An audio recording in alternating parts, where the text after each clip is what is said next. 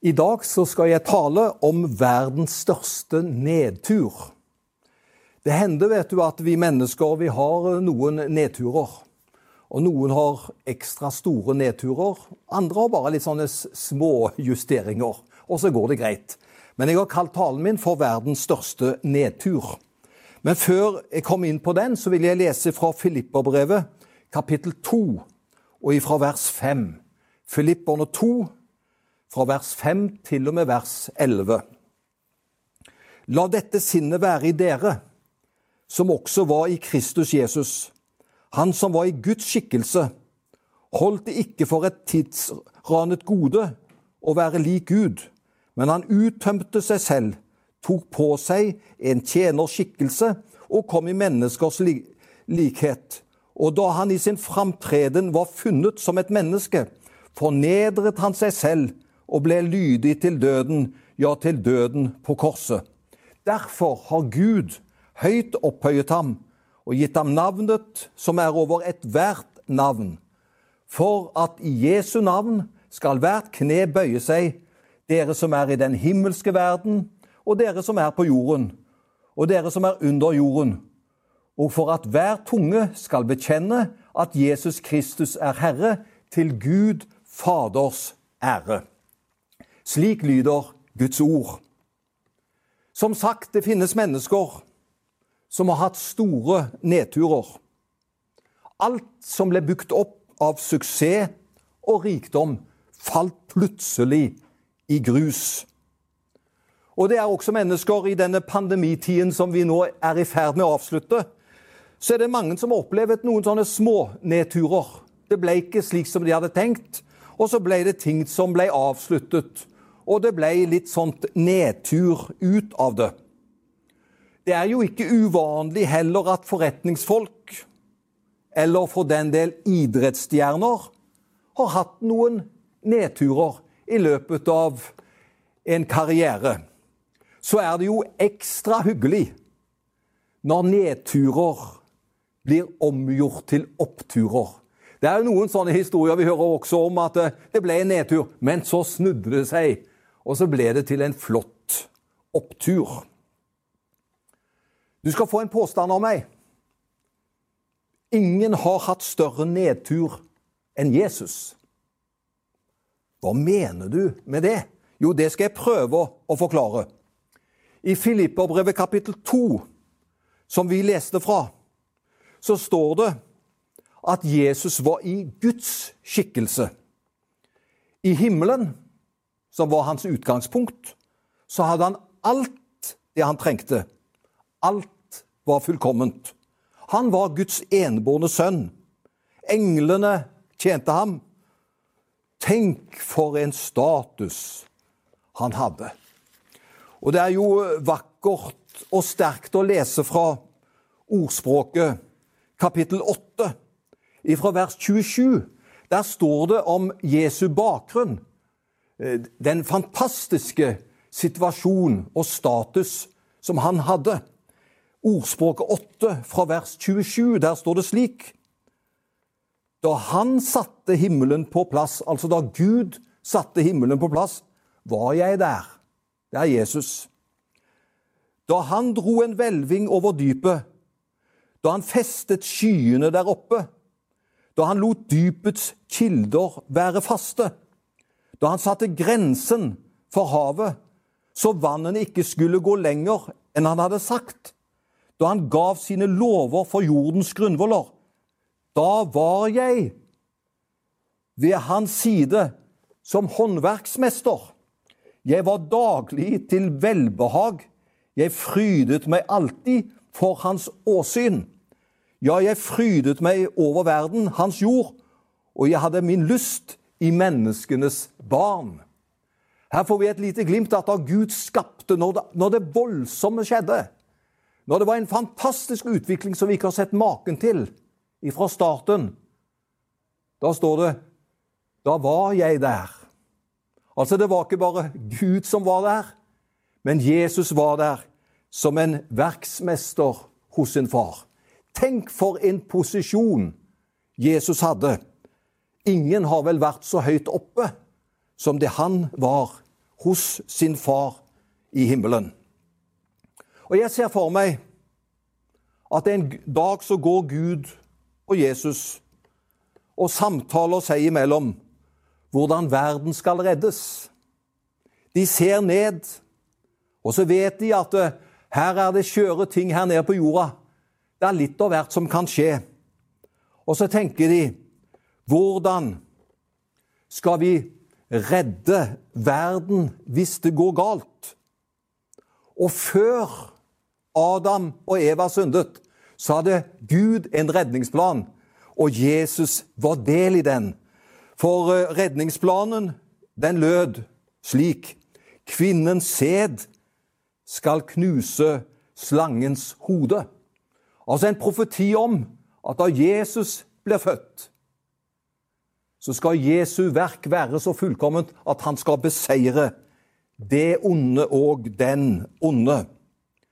Gud hadde en redningsplan før krisen og synden kom. Gud er alltid foran. Og han deler sine planer med sin sønn, som hadde en sånn en enorm posisjon. Så kommer tiden da Jesus kommer til vår jord. Og så står det han gav frivillig avkall på himmelens herlighet. Han gav frivillig avkall. Hvis Jesus hadde bestemt seg for at 'jeg vil ikke dette, Gud', så hadde ikke Gud sendt han.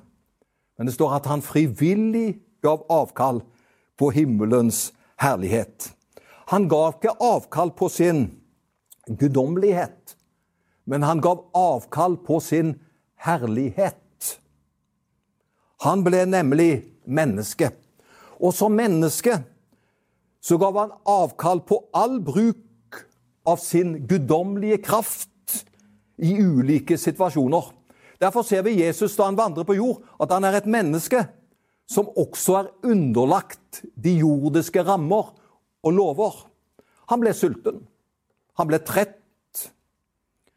Han eh, ble tørst. Altså Disse behovene og grensene som vi som mennesker har, de måtte også Jesus tre inn i. Han gav avkall på herligheten, men ikke på sin guddommelighet. Og så kom han, så ble han et menneske med begrensninger. I religionens verden er guddommen herre og ikke en tjener. Det er menneskene som skal tjene guddommen. Men her skjer det motsatte. Herren Gud og Jesus Kristus blir en tjener for oss. Han kom ned i menneskelig skikkelse. Og vi vet hvordan han ble født, og hva var omgivelsene. Og vi vet han levde egentlig i fattigdom, i trange, enkle kår. Han gikk dypt ned og man kunne si det slik at dette må jo være noe av verdens største nedtur, når vi vet hvilken bakgrunn han hadde. Og mest av alt så viser han sin fornedrelse, sitt tjeners sinn, da han vasker disiplenes føtter. Det var jo det mest ydmykende som kunne skje. Det var de tjenerne på den laveste rangstien som vaste føttene til mennesker. Men ved å vaske disiplenes føtter så viser Jesus han bøyer seg helt ned. Han tar virkelig på seg en tjenerskikkelse. Og det gjorde han ikke minst da han døde på korset som en forbryter. Bespott og spe. Tenk hvilket utgangspunkt han hadde i himmelens herlighet. Og så kommer han og så dør han som en forbryter på et kors. Da var nedturen fullstendig. Han var til og med ned i dødsriket. Så derfor har jeg vel dekning når jeg sier at det, det må jo være verdens største nedtur, den som Jesus hadde, når vi tar utgangspunkt i hvordan han var ifra begynnelsen av.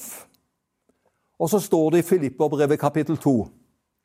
Derfor fordi han tok på seg en tjenerskikkelse, fordi han gav avkall på himmelens ærlighet og gikk hele veien for deg og meg. Derfor har Gud høyt opphøyet ham og gitt han navnet over alle navn. Og så vet vi at Gud oppreiste Jesus fra de døde på den tredje dag. Og efter sin oppstandelse, mot sin himmelfart, ser vi at Jesus har fått del i sitt oppstandelseslegeme. For da, i disse korte dagene som han var på jord efter sin oppstandelse, så kan han gå gjennom stengte dører. Plutselig så er han borte. Han er ikke sammen med disiplene slik som han var før påske. Hvor han sov blant dem, spiste blant dem, var hele tiden sammen med dem. Efter oppstandelsen. Så plutselig så kommer han der. Og så er han borte. Han forbereder disiplene på det kommer en tid nå hvor ikke Jesus skal være fysisk til stede lenger. Og han demonstrerte det disse 40 dagene som han var på jorda. Mellom oppstandelsen og Kristi himmelfartsdag. Og på Kristi himmelfartsdag så vet vi Da for han opp til himmelen. Og han er blitt satt ved Faderens høyre hånd. Han som ble fornedret gjennom verdens største nedtur.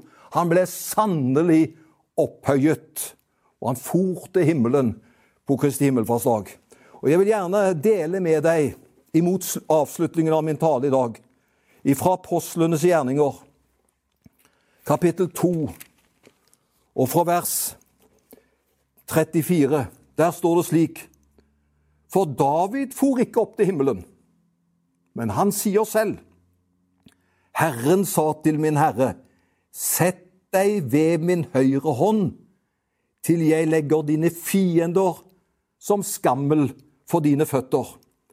Derfor skal hele Israels hus vite for visst at Gud har gjort denne Jesus, som dere korsfestet, både til Herre og til Kristus. Ved himmelfarten så satte Gud sin sønn Jesus Kristus ved sin høyre side, og der skal han sitte til alle fiender er lagt som skammel foran hans føtter. Det kommer en dag hvor de som er på jorden, de som er under jorden, de som er over jorden i det himmelske, de skal alle si Jesus Kristus er Herre, til Gud Fars ære. Det er et prinsipp også her. Den som ydmyker seg og bøyer seg. Ingen har gjort det slik som Jesus. Men det gjelder også prinsippet for oss. Den som ydmyker seg og bøyer seg, skal Gud løfte opp. Og det er vel det som Gud gjør, som er viktig for oss. Må du ha en velsignet sommerdag. Det er jo sommer nå. Nyt den. Og husk at det som var en veldig nedtur. Det er blitt en, en fantastisk opptur for oss. Jesus Kristus er Herre til vår Fars ære. Amen.